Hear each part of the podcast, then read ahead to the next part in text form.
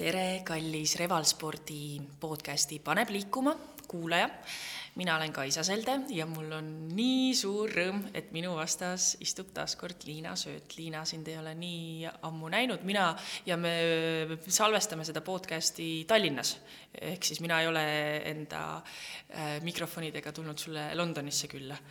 et äh, ühesõnaga, nii suur rõõm sind näha, kuidas sul läheb? Rõõm on äh, ka minupoolne, aitäh, et äh, armas Revalsport ja et sa, armas Kaisa, mind taas kord äh, podcasti kutsusid. et kui ma sain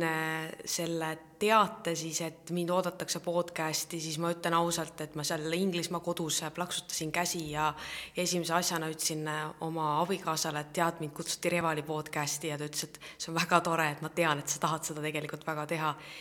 nii et siit ka ma pean ütlema, et see aasta ja üldse, et kuidas mul läinud on, ütleme põnevalt, äh, on olnud väga suur elumuutus ja minu sees on olnud väga palju sellist mõtlemist ja ka võib öelda, et segadust, sest et äh, treeneritöö ja kõik see, mida ma siin Revalis äh, olen üles ehitanud ja teinud et see on osa minu identiteedist, minu südamest. ja see oli minu jaoks väga keeruline ja raske valik, et ähm, kui ma siit lahkusin, ma arvan, et ma mõtlesin iga päev sellele, et äh, mis täna Revalis toimub, mis trennid seal on, et kuidas äh, klientidel läheb, kuidas äh, kogu nii-öelda meeskonnatöö toimib ja ei, ei ole üldse kerge tegelikult olnud, et ma pidin oma sellise sisemise minaga hästi palju tööd tegema ja väga palju äh, on siinkohal äh, minu nii-öelda perekond siis äh, olnud toeks ja toetanud, ehk siis öelnud väga hästi, et tegelikult sa ei läinud kuhugile teise maailma otsa, kus sa ei tule mitte kunagi tagasi, vaid et need oskused, teadmised ei kao sul mitte kunagi ära ja sul on alati võimalus äh, jätkata sealt, kus sul pooleli jäi ja et alati on elus võimalus äh, tagasi tulla ja nii-öelda siis leida jälle need uued võimalused äh, teha seda, mis sind südames kõige rohkem siin maailmas kõnetab, aga samas ka tuleb vahepeal selle peale mõelda, et on elus hetki ja perioode, kus sa pead tegema midagi muud, et saavutada ka teisi äärmiselt toredaid ja olulisi eesmärke. väga õige, nii ilusti öeldud, et äh, seda on nii tore kuulda ja ka näha, et sa ei ole ühtegi silda ära põletanud, et äh, me näeme sind Revalis tihtilugu,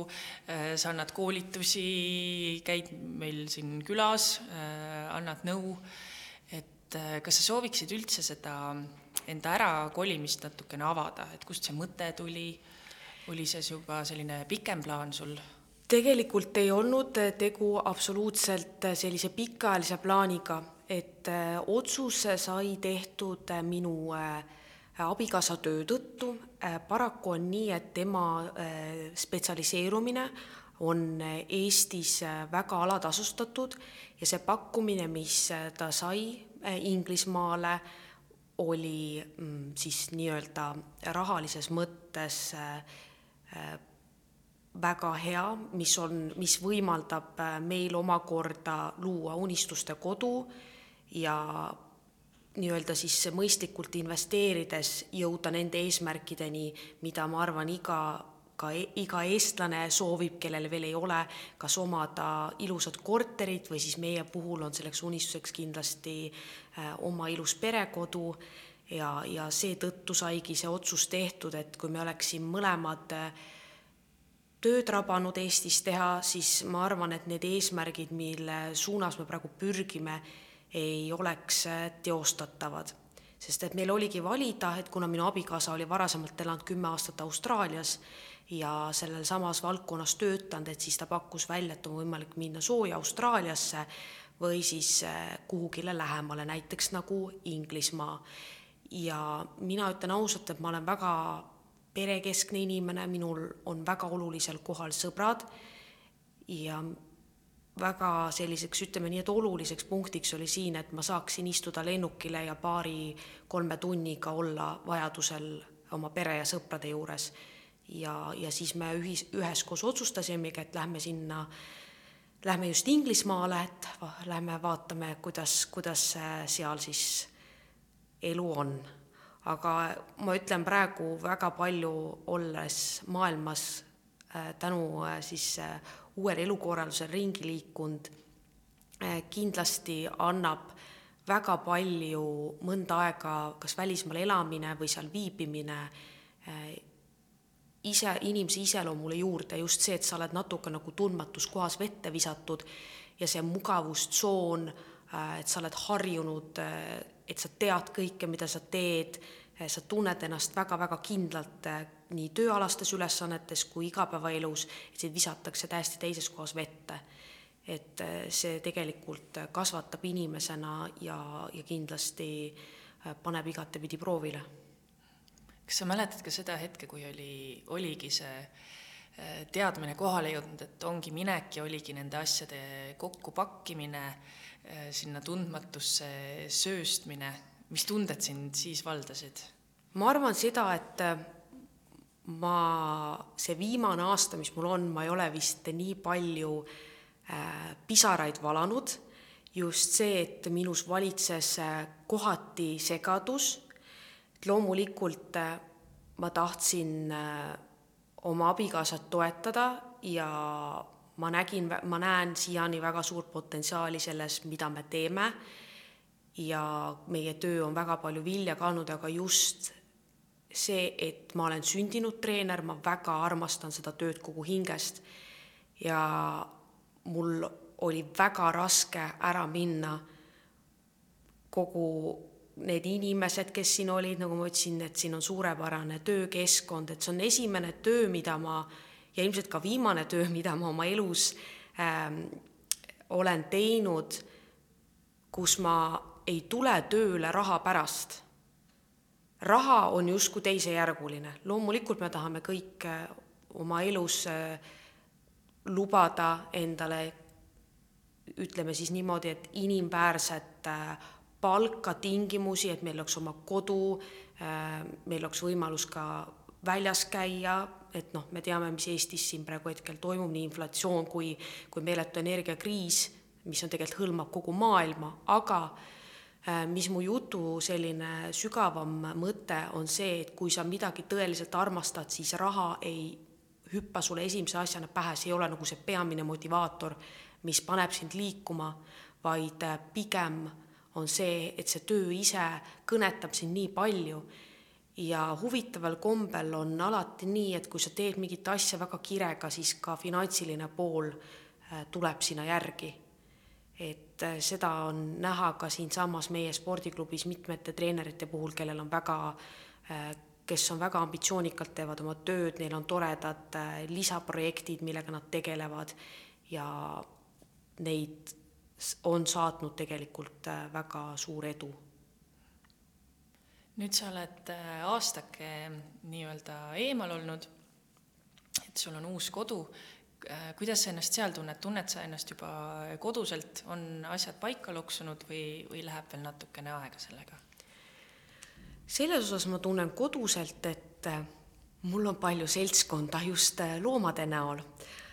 aga loomulikult meil on pigem see, et ma ütlesin just viimati abikaasale, et sa pead olema mulle ka sõbranna eest.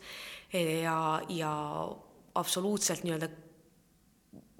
täielik selline minu nii-öelda kuulaja, sest et ähm, Inglismaal, kuna ma ei käi igapäevaselt tööl, me teeme oma, ma toimetan siis oma asjadega kodust siis ma ei puutu väga paljude inimestega kokku ja mul ei ole tekkinud äh, selliseid, võib öelda sõpru, pigem mõned tuttavad, aga sõpru ei ole seal nii kerge leida, loomulikult ma saan sellest ka aru, et äh, pigem töökollektiivis on lihtsam sõprade leidmine, nii et jah, ma ütlengi seda, et äh, et see ka heas mõttes näitab siis, kuidas nii mina kui minu abikaasa eh, inimestena sobime, et me peame põhimõtteliselt olema kogu aeg teineteise seltskonnas. jah, nii et, et sedasi on hetkel, aga muidu ikka mu põhielurutiin on kogu aeg olnud sama, et ma peaksin ütlema, et järjest kodusemaks, ma arvan, äh, läheb see olemine. Et äh, sai valitud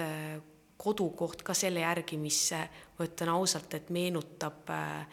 sellist noh, Eestit otseselt ei saa meenutada, aga kindlasti, et maja lähedal oleks park ja terviserada ja ta oleks natukene eraldatud kohas, et ta ei oleks täiesti kuskil linna müras ja, ja see, mida me soovisime, õnneks seda me ka saime. oh, seda on suur rõõm kuulda.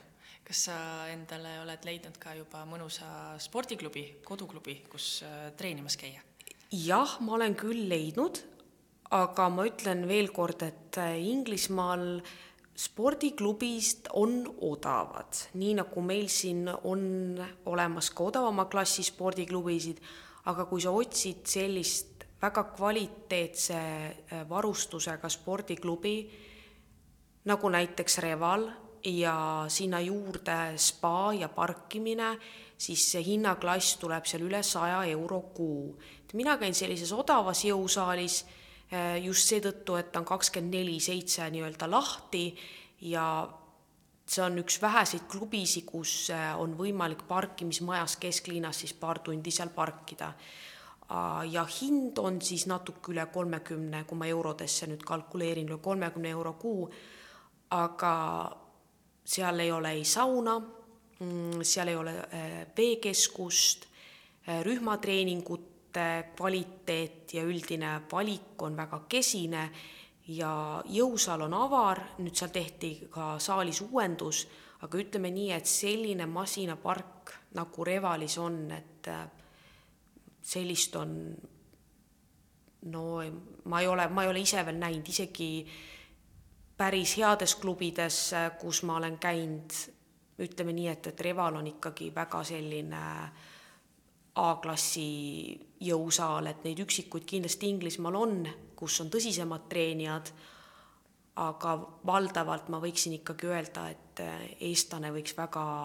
õnnelik olla, et kui hea soodsa raha eest meil saab nii ilusas saalis käia ja et sul on lisaks veel ka see võimalus spaasse ikkagi minna. Aga kui populaarne üldse Inglismaal treenimine on, kui palju sa inimesi saalis kohtad? kas saalid on pidevalt täis või kuidas seal olukord on? olukord on väga sarnane Eestile, et pigem see varahommikul on need varahommikused treenijad, e, lõuna poole on sellisem vaiksem, kus ma ise üritan tegelikult trennis ära käia. Alates e, neljast hakkab vaikselt inimesi tulema ja kuskil seitsmeni on ikka nii, et, et vabu masinaid ei ole. et inglane oma loomult, talle meeldib trenni tulla käidavus selles saalis on suur, et mina käin sellises jõusaalis nagu Pure Gym ja peab ütlema, et eh, inglane on ka seda tüüpi, et ta tuleb sõpradega sinna saali, et see on ka oluline selline sotsialiseerumiskoht. Eestlane on, kui ma noh, ma ei saa üldistusi teha ühe saali põhjal, kui ma oleks kõikides saalides pikemalt viibinud, siis ma võiksin üldistusi teha, aga mulle tundub, et eh, eestlane on selline tõsisem treenija, aga inglane tuleb rohkem, et tal on hea aega veeta oma sõpradega, loomulikult ta ikkagi teeb ka trenni, aga väga palju on sellist hästi omavahelist suhtlemist ja vestlemist, et noh, kindlasti on, ma olen näinud loomulikult siin klubis on ka seda, aga eestlane võtab äh, oma tervist väga vastutustundlikult ja tõsiselt, mis on äärmiselt tore väga suur rõõm kuulda. jah, see on küll äh, saali peal ringi vaadates on ikka inimestel klapid peas ja nad äh, väga tõsisel ja kontsentreeritud pilgul siis äh, teevad harjutusi, mida on ka tore vaadata. ma mõtlen siin Eestis. aga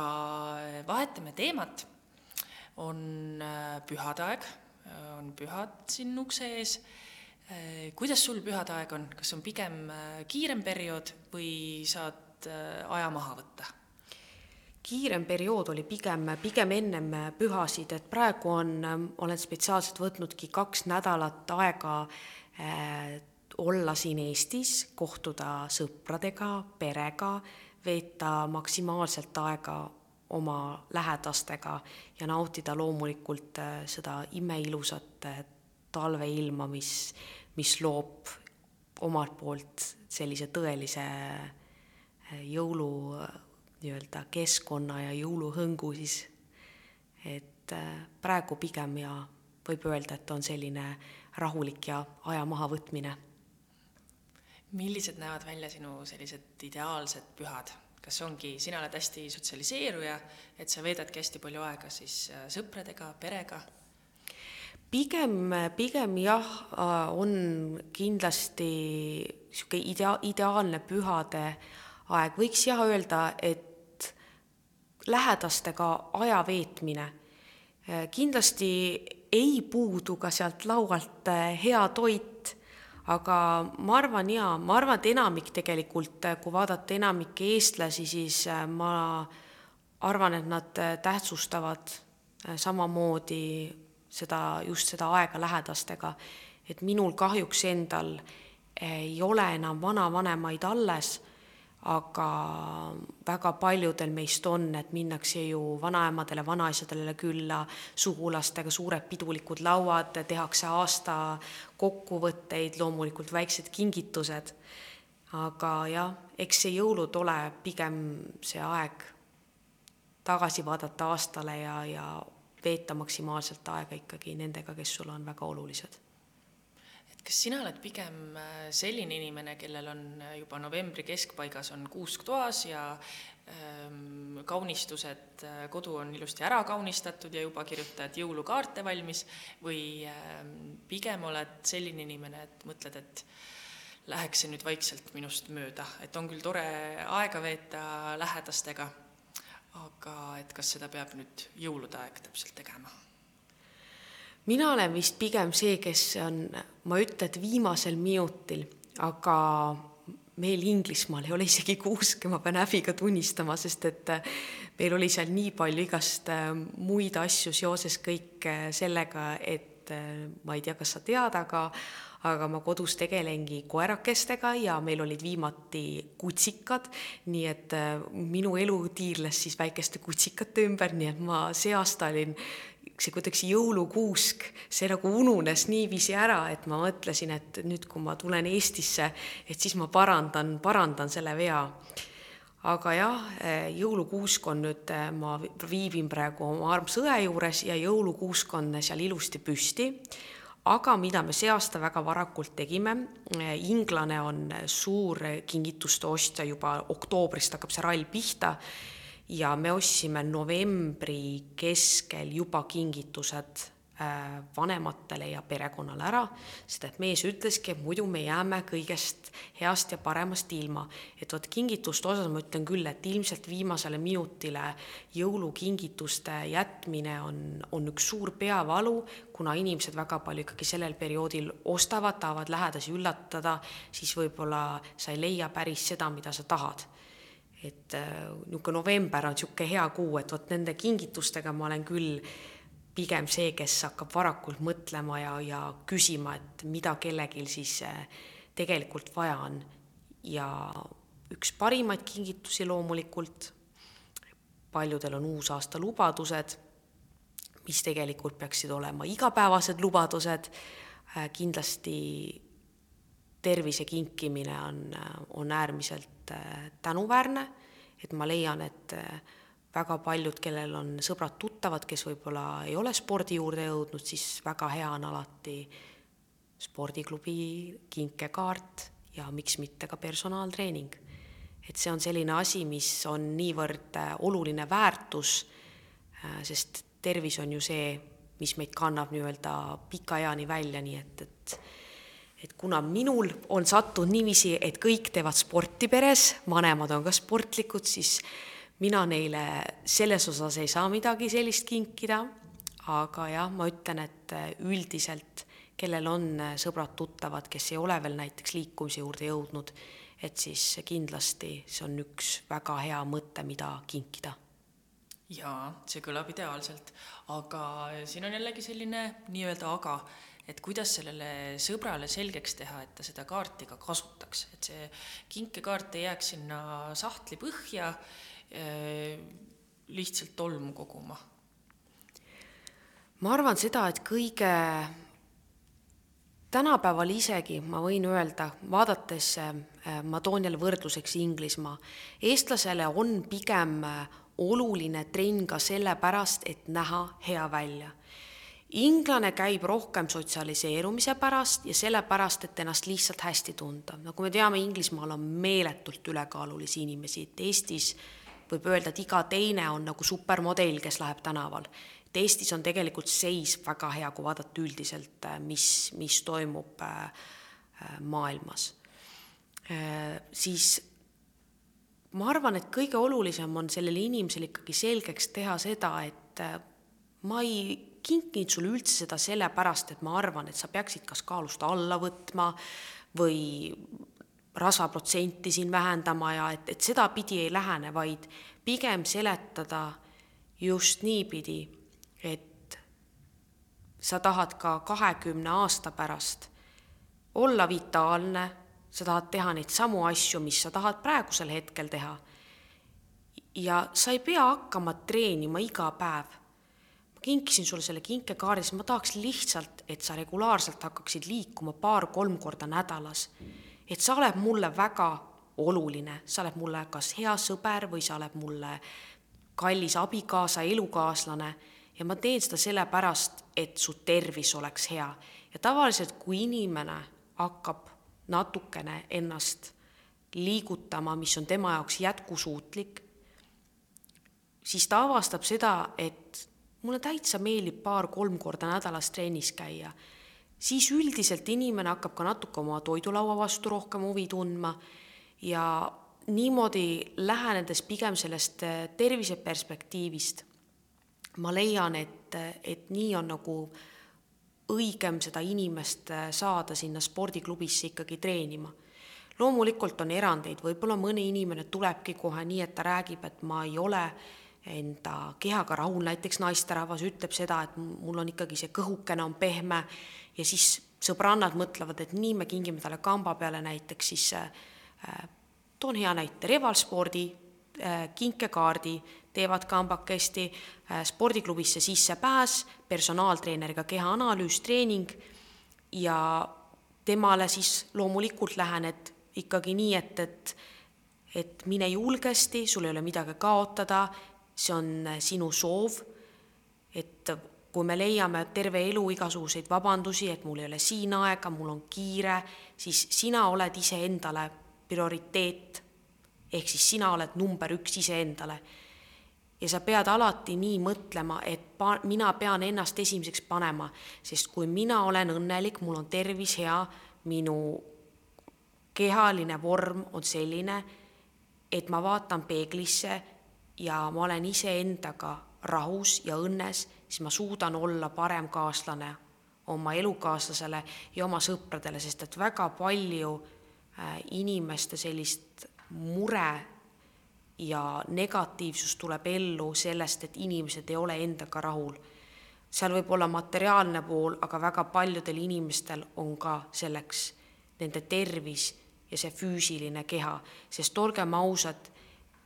me ei räägi siin sellest, et inimene peab olema nagu supermodell, vaid see, et kui naisterahvas või meesterahvas vaatab peeglisse, ta paneb endale riided selga, ta läheb välja, siis ta tunneb ennast enesekindlalt ja hästi. ja väga palju on see ikkagi tervise ja normaalkaaluga seotud. et ma arvan, et neid lähenemisi on väga erinevaid, et tulebki igale inimesele vaadata, mis tema jaoks on oluline ja kindlasti öelda, et miks sa lükkad ennast eemale, miks sa ei väärtusta ennast, et sa, et kes veel siis on kõige olulisem kui sina iseenda jaoks.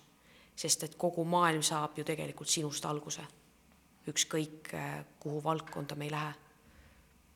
väga õige, et tihtilugu ongi lihtsalt seda kõige esimest sammu on raske teha, aga kui sul on toetavad sõbrad ja pere ümber, kes siis aitavad näiteks selle kinkekaardiga natukene Äh, tõugata sind õiges suunas, siis see esimene samm võib-olla ei olegi nii, nii keeruline. aga kingitustest rääkides, äh, mis oleks sulle selline kõige ideaalsem kink, kas sa juba salamisi ähm, aimad, mis seal jõuluvana kingikotis on, et saatsid sa ilusti äh, tubli tüdrukuna jõuluvanale see aasta ka kirja, et mis, mida sa sooviksid saada? Saatsin jõuluvanale kirja, ütlesin jõuluvanale, et äh, järgmisest aastast hakkan äh, rohkem trennivideosid postitama ja kuna minu äh, iPhone'i kaamera on juba ei tee enam nii hea kvaliteediga videosid, siis palusin, et jõuluvana tooks mulle uue iPhone'i ja et siis ma olen uuel aastal tublim. ja ma mõtlesin, et äh, ma tahaks hakata rohkem äh, äh, head videosisu looma ja just siis leida selle väljundi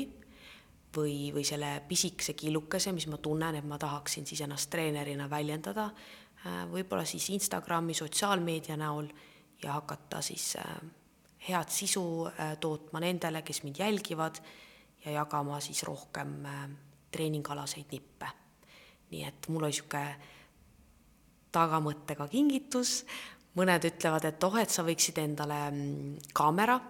võib-olla siis oleks kaamera oleks mõistlikum, aga ma tean ise, et telefon on mul niikuinii kaasas, kui mul on telefonil hea kaamera, siis ma võin ükskõik kus maailmas ma olen Äh, selle kvaliteetse kaameraga, siis kui ma tunnen, et nüüd on see hetk, et ma tahan äh, näiteks kas ma reisin kuhugi ja ma leian, et seal on huvitav jõusaal, kus midagi jagada, et siis ma saan seda väga-väga hõlpsasti teha. Ja, ja siis palusin ka, et äh, jõuluvanalt, et saaks niisuguse väikse sellise valgustusploki, mida siis panna taustaks siis videotele, tihtipeale on see, et kui sa ikkagi telefoniga filmid siis siin on nagu eraldi seda valgust juurde vaja. et sa pead vaatama, et õige nurga all oleks, et, et ta siis sest et tegelikult väga oluline on ikkagi, milline on su video kvaliteet, et inimestel oleks seda hea jälgida. Nii et jah, aga ma ei tea seoses äh, sellega, mis Hiinas toimub, vaat ei tea, kas jõuluvana jõuab ikka selle iPhone'iga ja selle kingikotiga õigel ajal kohale, nii et aga pole oluline, kas see kingitus tuleb detsembris või jaanuaris et äh, tulemata ta ei jää ja, ja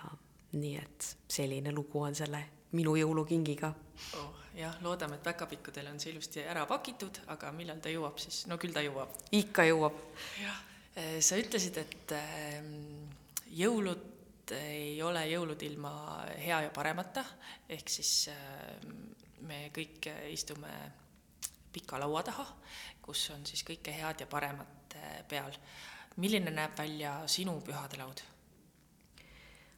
kuna ma lähen oma vanemate juurde ja minu ema-isa on sellised, kes ütlevad, et nemad ei taha lisakilosid jõuludel koguda,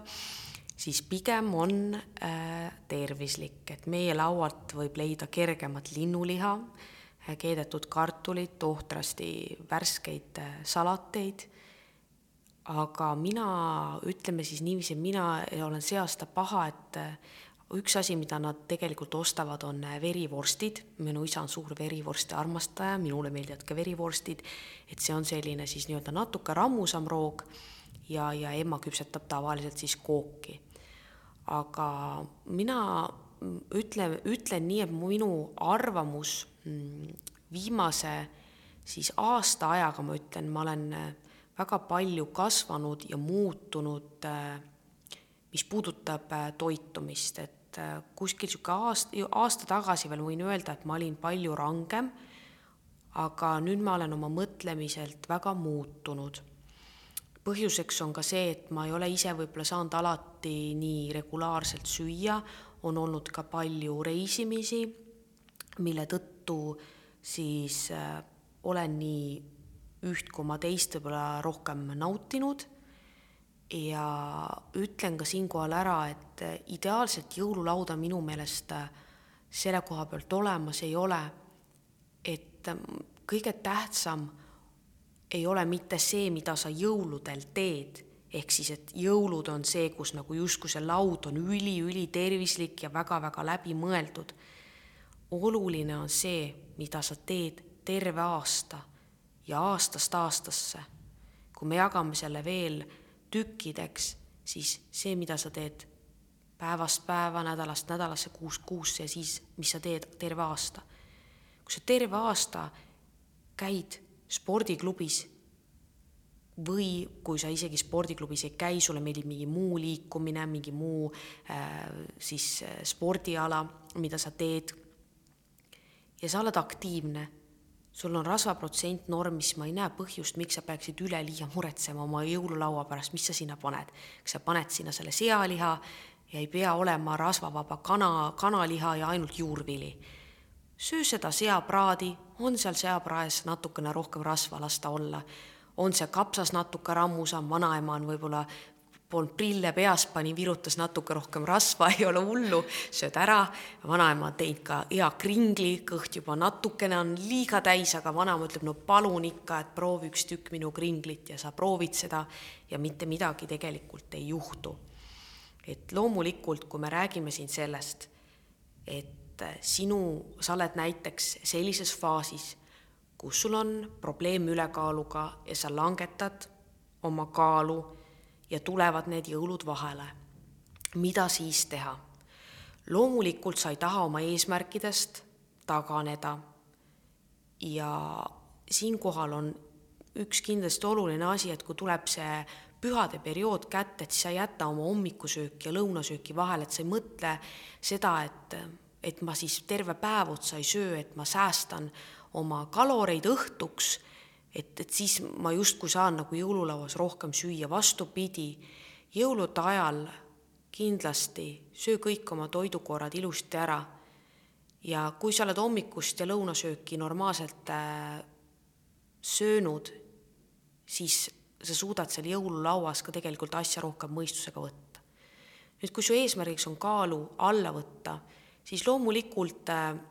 mõistlikum on valida kergemad lihad, vaadata just sellega ette,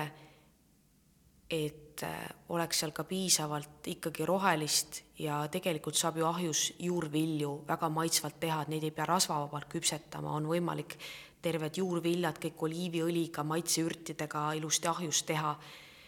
kui sa tõesti armastad seda sealiha, sa oled isegi kaalulangetaja, söö see pisike tükk sealiha ära, sellest ei juhtu mitte midagi, oluline on ikkagi see portsjoni kontroll, et sul ei ole suuri snäkivaagnaid, et su käsi ei käi seal kontrollimatult, vaid et sa, kui sa tõesti jälgid oma kaalu, siis inetu on perenaist solvata, alati sa võid öelda, et mul on praegu eesmärgid ja seletada, et sa soovid näiteks, et sa ei soovi seda desserti nii suurt tükki võtta, aga kui sa ikkagi isegi oled seal kaalulangetusprotsessis sees ja selle, selle ühe õhtu natukene rasvasemat toitu lubad mõistuse piirides, ehk siis see, et sa võtad ikkagi taldriku ja tõstad kõik asjad taldrikule. kui sul on snäkilaud, siis sa tõstad ka need snäkid, et sa näed, kui palju sa kogu sellised sööd ja et sa ei kuku kugistama, vaid sa istud rahulikult, vestled inimestega ja et ennem kui sa haarad teise portsu järgi, siis võta, istu natukene ja joo vett. loomulikult tavaliselt jõulude juurde kuulub alkoholi tarbimine. nagu me teame, siis alkoholis on väga palju kaloreid, ehk siis grammi alkoholi kohta on seitse kilokalorit. kui sa oled nüüd kaalulangetaja, siis ma soovitaks pigem olla alkoholiga konservatiivne siis sa peaksidki nagu otsustama seda, et kui sa tahad seal jõululauas natuke head paremat lubada, siis loomulikult, kui kõik pakuvad sulle glögi või pakutakse pokaal veini ja on terve seltskond ja sa tunned, et appi, et kui ma nüüd seda ühte pokaali veini ei saa, et ma muutun väga õnnetuks, siis elu ei ole ainult äh, kaalulangetus ja liiga range või niisugune liigne rangus iseendaga ei ole teatud äh, aspektis mõistlik. loomulikult ei ole nii, et iga nädal, oi jah, mul sõbrannal jälle sünnipäev, ma ei ole endaga liiga range, et mitte minu sõnu võtta kuidagi äh, liiga siis äh, või et minu sõnu kontekstist välja rebida, vaid pigem see, et jõulude ajal võib-olla sa tuled ühe korra aastas oma suguvõsaga kokku et siis ei juhtu midagi, kui sa mõistuse piirides, et sa ei, see ongi see, et sa piirdud selle ühe praega, võtad hästi natukene, võib-olla proovid tükikese seda magustoitu, proovid seal paar piparkooki ja võtadki, jood natuke glögi ja, ja piirdud seal pokaali veiniga. et sa saad selle oma elamuse kätte, sa ei lähe üle piiri ja samas sul ei jää ka see elamus olemata. nüüd loomulikult kolmas äh, tüüp inimesi on ilmselt need, kes on kas mingisugused võistlussportlased, kui sa oled esteetikaala sportlane, noh, toome välja lihtsalt, äh, kellele ma otse vihjan, inimene, kes võib-olla kevadel läheb äh, bikiini fitnessis lavale, loomulikult temaga on teine lugu, aga tema on ise teinud teadlikult selle valiku, et tema jõululauas istub oma karbikesega. Et need on, nagu ma ütlen, Ü-tüüpi inimesed, nad on teistsugused ja nende jaoks on see otsus tehtud, ta istub oma karbiga, ta rõõmus, sest et ta on sportlane ja see on absoluutselt midagi muud. ja kui ta peaks selle karbi taga nutma, siis järelikult ta on valinud vale ala ja ta peaks selle karbi lükkama kõrvale ja võib-olla siis ei ole need nii-öelda niisugused ranged piirangud talle. et nüüd tuli väga pikk jutt aga ma loodan, et ma sain oma nagu mõtte edasi anda inimestele, et, et liikuge aasta läbi, proovige nii, et see kaal oleks teil kogu aeg stabiilne ja kui teil on hetkel ülekaal, proovige see rahulikult, mõistlikult maha saada ja kui paar korda aastas on tõesti mingi oluline sündmus, siis mitte midagi ei juhtu, kui te natuke ka sealt laualt midagi muud võtate aga eh, jah, kõik sai väga-väga selgeks. Eh, kohe tekkis natuke eh, teemat avav küsimus. Võib-olla mõne inimese mõttemaailm on ka selles, et ma nüüd täna lubasin endale seda praadi ja seda tükikest kooki, et ma nüüd järgmised päevad teen kõik selle tasa, et ma nüüd järgmised päevad söön ainult salatit ja kurki. Ehm, kuidas sa sellesse suhtud? sellesse ma suhtun pigem nii, et Mm, ükskõik, kas on jõulud või isegi, kui see ei ole jõulud ja on juhtunud selline asi, et sa oled, kuidas ma ütlen siis, liigsöönud. see liigsöömine võib ka tekkida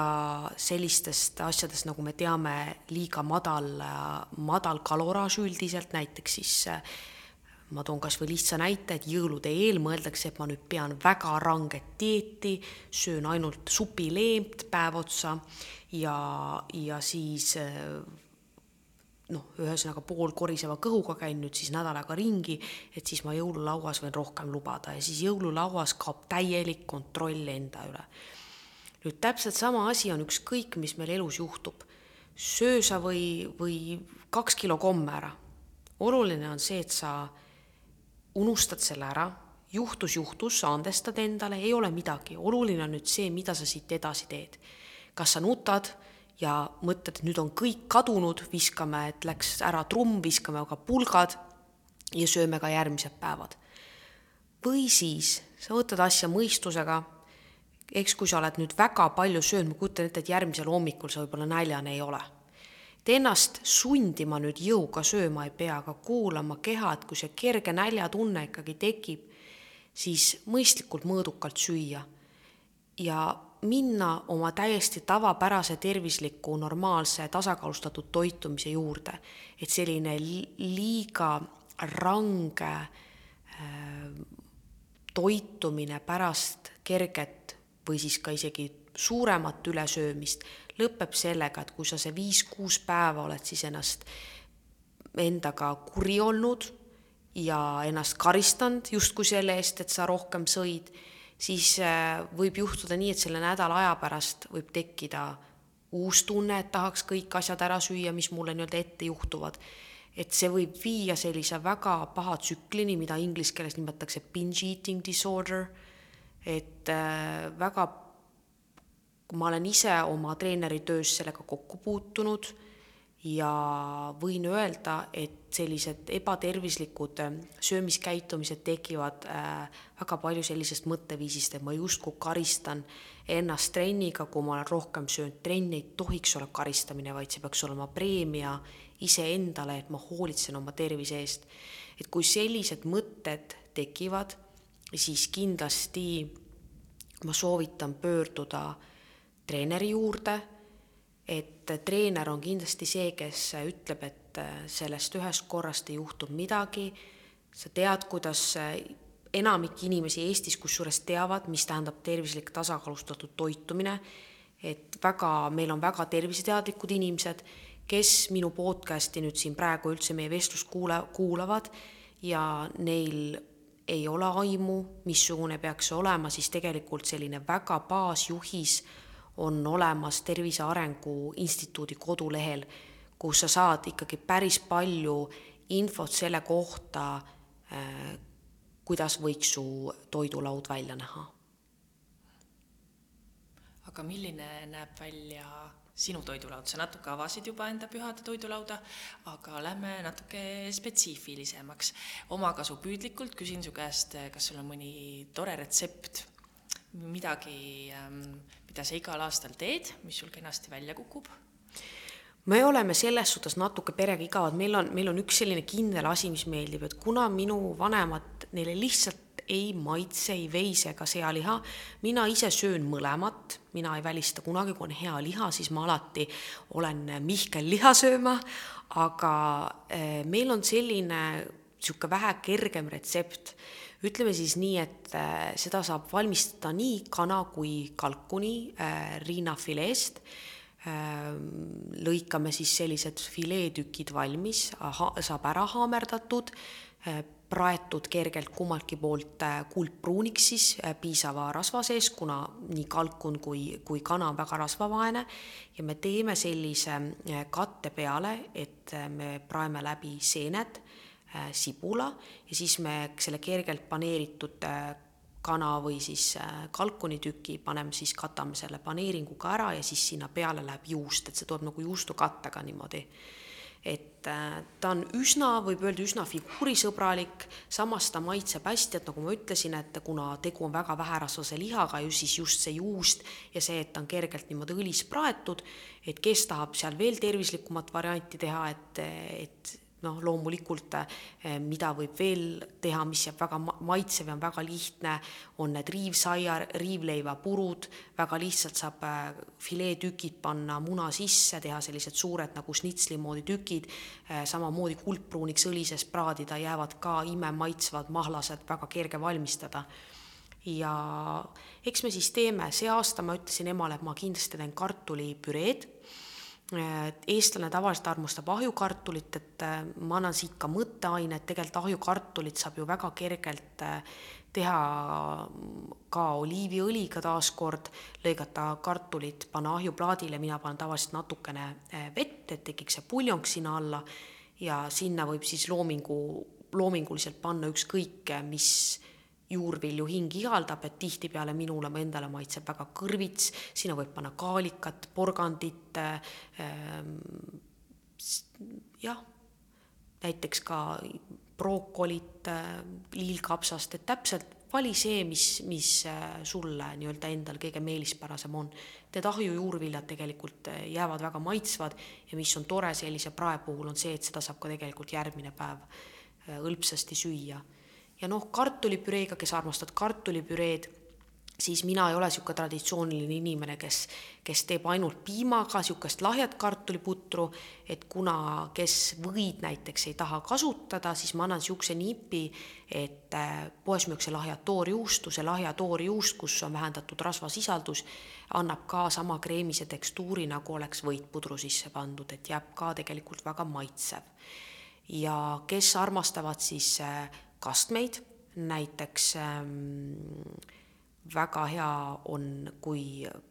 on siis toidu kõrvale, kas liha kõrvale armastatakse alati äh, ketšupi puhul, mida ma soovitan vaadata, kes armastavad, ma tean, et paljud inimesed söövad äh,, tomatine ketšup, kus on vähendatud suhkrusisaldused, vaadake, vaadatagi pigem, et kõik need igasugused niisugused hapendatud tooted nagu kurgid, et kui palju seal saja grammi kohta suhkurt on, kui sa näed ikka kurkides on saja grammi kohta kümme grammi suhkurt, et siis pigem vaata neid, kus seal kolm-neli grammi on. ja, ja samamoodi ketšupiga, majoneesi puhul on sul alati võimalik võtta light majonees, kus on poole vähem rasva, samamoodi üks hea nipp, eh, kellele meeldib väga koort süüa, võtta vähesema rasvasisaldusega koor ja mis mu viimane avastus on, äh, kuna see kümneprotsendine koor on natuke vedel, siis ma ise teen niisuguseid kastmeid ja kooreseid salateid, kasutan ma mm, Saaremaa moo rasvatud kohupiima, aga see kohupiim on hästi paks ja kui sa teda segad salatiga läbi ja paned sinna natukene light majoneesi, siis ta jääb selline hästi tummine et ma ise ka olen seda salatit valmistanud päris mitmele inimesele, nad on öelnud, et vau, et ma mõtlesin, et see on selle kolmekümne protsendise koorega tehtud, et ta tõesti jääb väga hea. et need on niisugused nagu lihtsalt nipid, kus sa saad lihtsalt seda kalori tihkust äh, vähemaks võtta. ja loomulikult üks asi, mida ma ka väldin, on see, et ma ei söö kõike segamini päris, et ei ole nii, et mul on äh, täidetud munad, mul on sealiha, mul on kana, mul on kala, et pigem kui on mõni inimene, kes armastab näiteks tõesti kala ja otsustabki jõuluõhtul kala teha, siis tehke üks pearoog, et ei pea olema nii, et, et on mitu erinevat liha, et see on lihtsalt sul endal seedimisele palju oluliselt kergem. no ja kui tõesti on, läheb nii asi hulluks, et igaüks tuleb oma lihaga platsi, siis äh, lihtsalt vaadata, et äh, et kogu selliselt liiga, liiga hulluks oma, oma, oma toidu tarbimisega ei läheks, aga jah, ma soovitaksin, et ärge liiga palju asju segamini sööge ja pidage vahet, jooge vahepeal parimaks joogiks on ikkagi näiteks kannuvesi, sinna saab sidrunit, laimi sisse panna, külmutatud marju, et ka see vesi oleks seal laua peal. loomulikult, kes armastavad äh, alkoholi, siis ma pigem ütlen, et äh, jooge midagi naturaalsemat äh, ja vältige igasuguseid väga magusaid kokteile, suhkruseid kokteile et võib-olla mõni segab seal jõuluõhtul äh, Coca-Colat äh, rummiga, ma ei tea, kas seda tehakse, aga võib-olla tehakse, siis niisugused äh, väga su-, suhkrused, igasugused siirupid kokteilide sees ja need toonikud, et pigem siis võtke juba see vein või vana kombe kohaselt, ma ei tea, kas jõululauas veel tõstetakse toost ja võetakse pitsike viina, siis igatahes on see nii-öelda mõi-, mõistlikum tegevus. nii et jah, kui sul on veel küsimusi, siis ma sain vist kogu selle nüüd nii-öelda ära kaetud. jaa, see tegi, tegid puust ja punaseks, mina sain küll väga palju targemaks. aga pühad tihtilugu ähm, venivad pikale, eriti jõulud ja seal on siis veel see aastavahetus ja et see periood on päris äh, pikk, et kuidas leida aega trenni tegemiseks ja noh, rääkimata sellest, et äh, kõik äh, firmade ja sõprade jõulupeod hakkavad juba esimesest detsembrist pihta, ehk siis terve detsember on selline pidude laine ja läheb veel sinna jaanuarisse välja. et ähm, mulle ka siit Revalspordist öeldi, et kindlasti küsi, et Liina oskab sellele väga hästi vastata, et kuidas leida siis see tasakaal äh, trenni tegemise ja sõpradega väljas käimise puhul. et ei oleks seda, et ei, ma nüüd ei saa, ma pean trenni tegema ja et ei oleks ka seda teist äärmust, et ma nüüd istungi päevast päeva ühe sõbranna juures ja siis käin teise sõbranna juures ja siis on veel see pidu ja see pidu. ma ütlen seda, et kaasake oma lähedasi äh, sportlikesse tegevustesse, eriti jõulude ajal, lumi on maas. Ma võin olla täiskasvanud inimene, jubedalt tahaks minna suusatama või mingi selle snowtube'i, selle rõngaga sõitma, väga kihvt oleks et kui sa tunned seda, et jõulude ajal sa konkreetselt spordiklubisse minna ei taha, siis kas või metsarajal sellise ilmaga jalutama minna, no see on lihtsalt nii ilus ju. et kaasake oma lähedasi inimeste, inimesi siis äh, oma liikumisharrastusse ja miks mitte võtta inimesi spordiklubisse kaasa ka, sest et ma toon näite, et kui äh, mina tulen siia trenni siis äh, loomulikult ähm, kui mul oleks sõbranna, kes, äh, kas ta käib trennis või ta ei käi trennis ja ta ütleks mulle, et et Liina, et lähme hoopis kuhugi restorani sööma ja ma olen juba käinud mitu jõululauda läbi ja ma tunnen seda, et noh, et, et tegelikult ei, ei, ei taha enam minna sööma, vaid tahaks tegelikult hoopis liikuda või midagi muud teha, siis alati on võimalus söömise asemel teha mingeid tegevusi ja ilmselt ma ütlekski, et tead, ma lähen trenni äh,, lähme äkki koos kuhugi rühmatrenni, uurin välja midagi, mis oleks äh, talle ka siis jõukohane ja lähme pärast spaasse. et tingimata äh, inimestel seostubki jõulud ja sotsiaalsed tegevused ainult söömisega, aga tegelikult äh, see ei ole nii. et äh, niivõrd palju kohti on, kuhu minna, rääkimata alustades sa võid kas või minna bowlingut mängima, neid kohti, kuhu minna ja mida teha, on tegelikult nii palju, et inimesed peavad nagu ennast ümber mõtestama selles osas, et sotsiaalelu ei võrdu söömisega. Et inimsuhted ei ole see, et ma lähen alati istun kellegiga maha ja söön kuskil, vaid neid tegevusi, mida sa saad teha söömise asemel, on väga-väga palju. Ja kindlasti inimesed võiksid lihtsalt sellele samale printsiibile mõelda, mida ma või mõttele, mis ma nagu esma es,, ennem siin, siin ka välja käisin. et oluline on see, mida me teeme päevast päeva, nädalast kuusse, kuust aastasse, ehk jõulud ei saa kesta kuu aega järjest. jõuluõhtu on siis, kui on jõuluõhtu, sellega see lõpeb. kui sul on mingisuguseid üritusi siis väga palju on meie enda ära teha, kuidas neid asju suunata. sest tihtipeale ma kuulen ka töökollektiivide juttu seda, et issand, jälle, jälle tuleb see istumine, miks me midagi muud ei võiks selle söömise asemel teha. ja ma kuulen seda väga palju ja vaat see on, kui mõni tööandja näiteks seda kuulab, seda podcast'i, või inimene, kes haldab, kes on kas personalijuht, kes haldab inimesi, meeskondasid, siis väga hea mõte on näiteks, tulge Reval sporti oma äh, siis äh, jõulupidu pidama, tulge hoopis palgake treenerid, tehke mingi kihvt trennimaraton oma kollektiiviga, minge hiljem spaasse ja näiteks sinna otsa siis ka miks mitte, trenn on tehtud, meil ju nüüd teeb äh, Rauno teeb siin köögis nii-öelda siis erinevaid toidutöötubasid et alati võib ka see selle sellisesse võtmesse panna ja ma arvan, et see oleks kindlasti üks kõige võib-olla meeldejäävaid äh, õhtuid kollektiivi, kollektiiviga koos. et tegelikult sport ja liikumine ühendab inimesi ja see on midagi, mis, mis on äh, väga tore. et ma ei ütlegi seda, et kunagi ei või ühtegi jooki teha ega sööki ega kooki süüa, aga just ongi see, et see jõuluõhtu et jõulud ei kesta kuu aega, vaid jõuluõhtu, miks ta on tehtud üks jõuluõhtu, vaid ei ole jõulunädal või jõulukuu, ongi see, et jõuluõhtu on jõuluõhtul ja pärast seda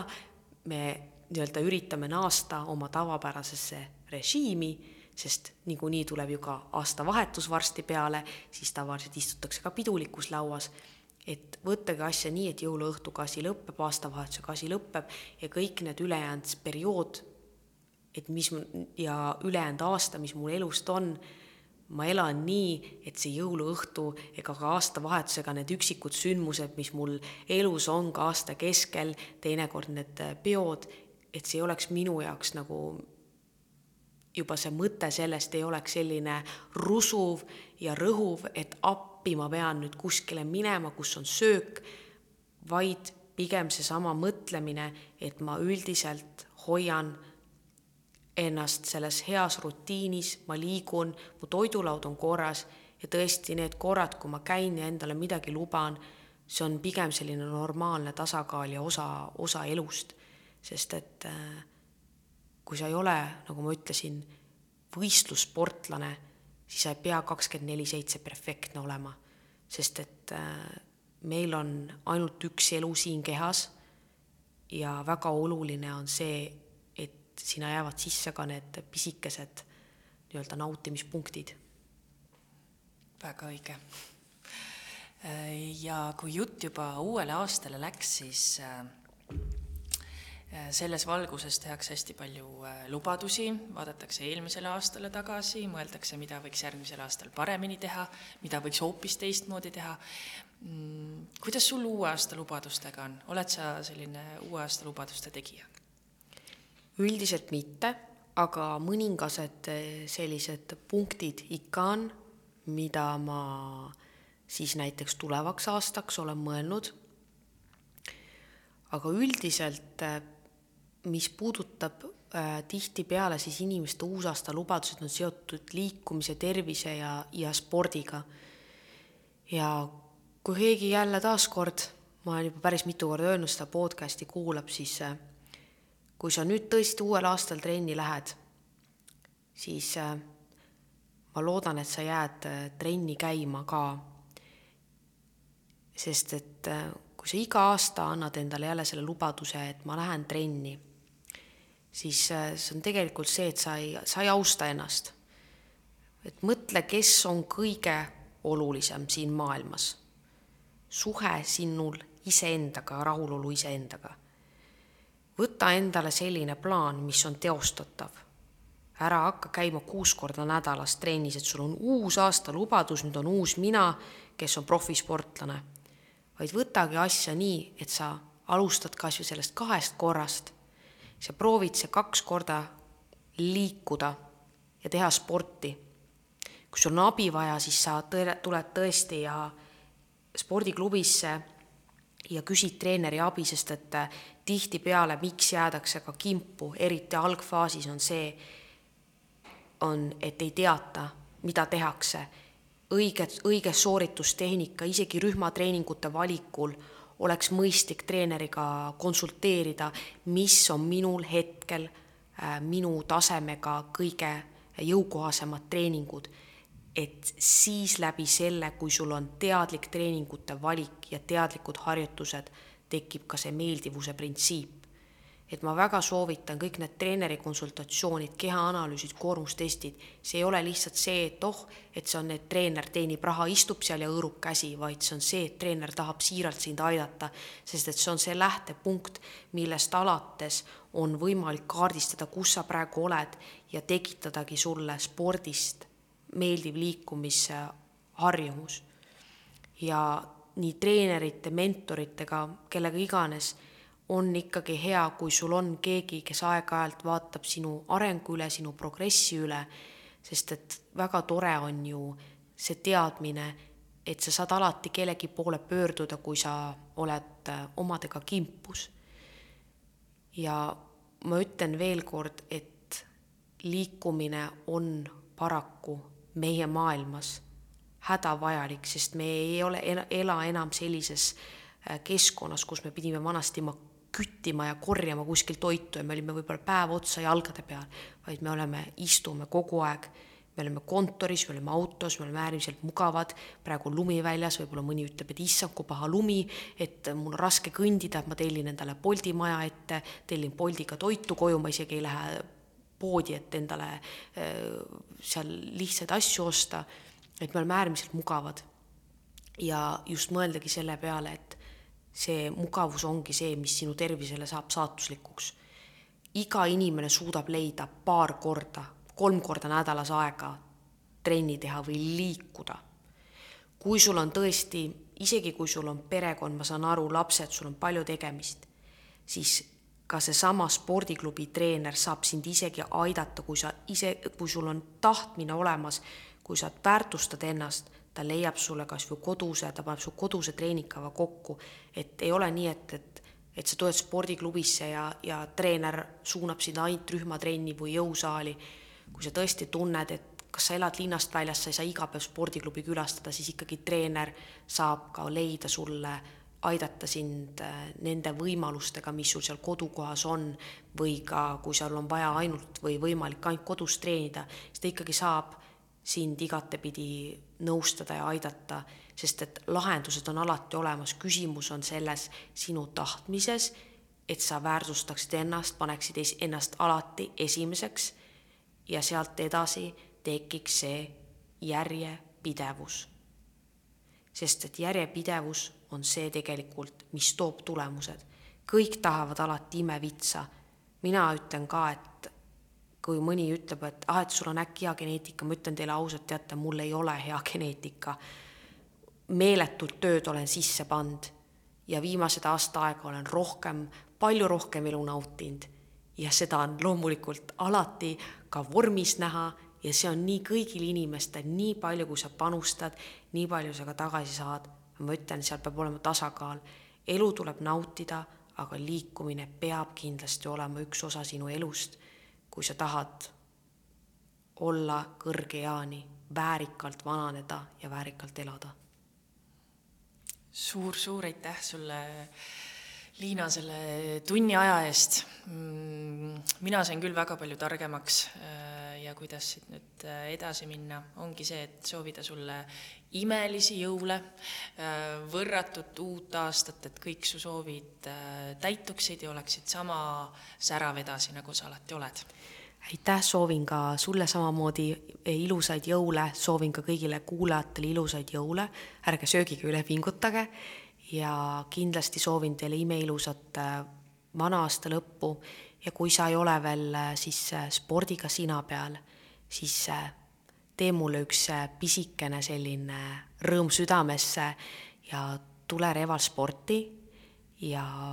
pöördu siin treenerite poole ja hakkame sinu liikumisharjumust kujundama, sellepärast et teeme nii, et alates uuest aastast oled sa enda jaoks number üks nüüd ja alati. aitäh teile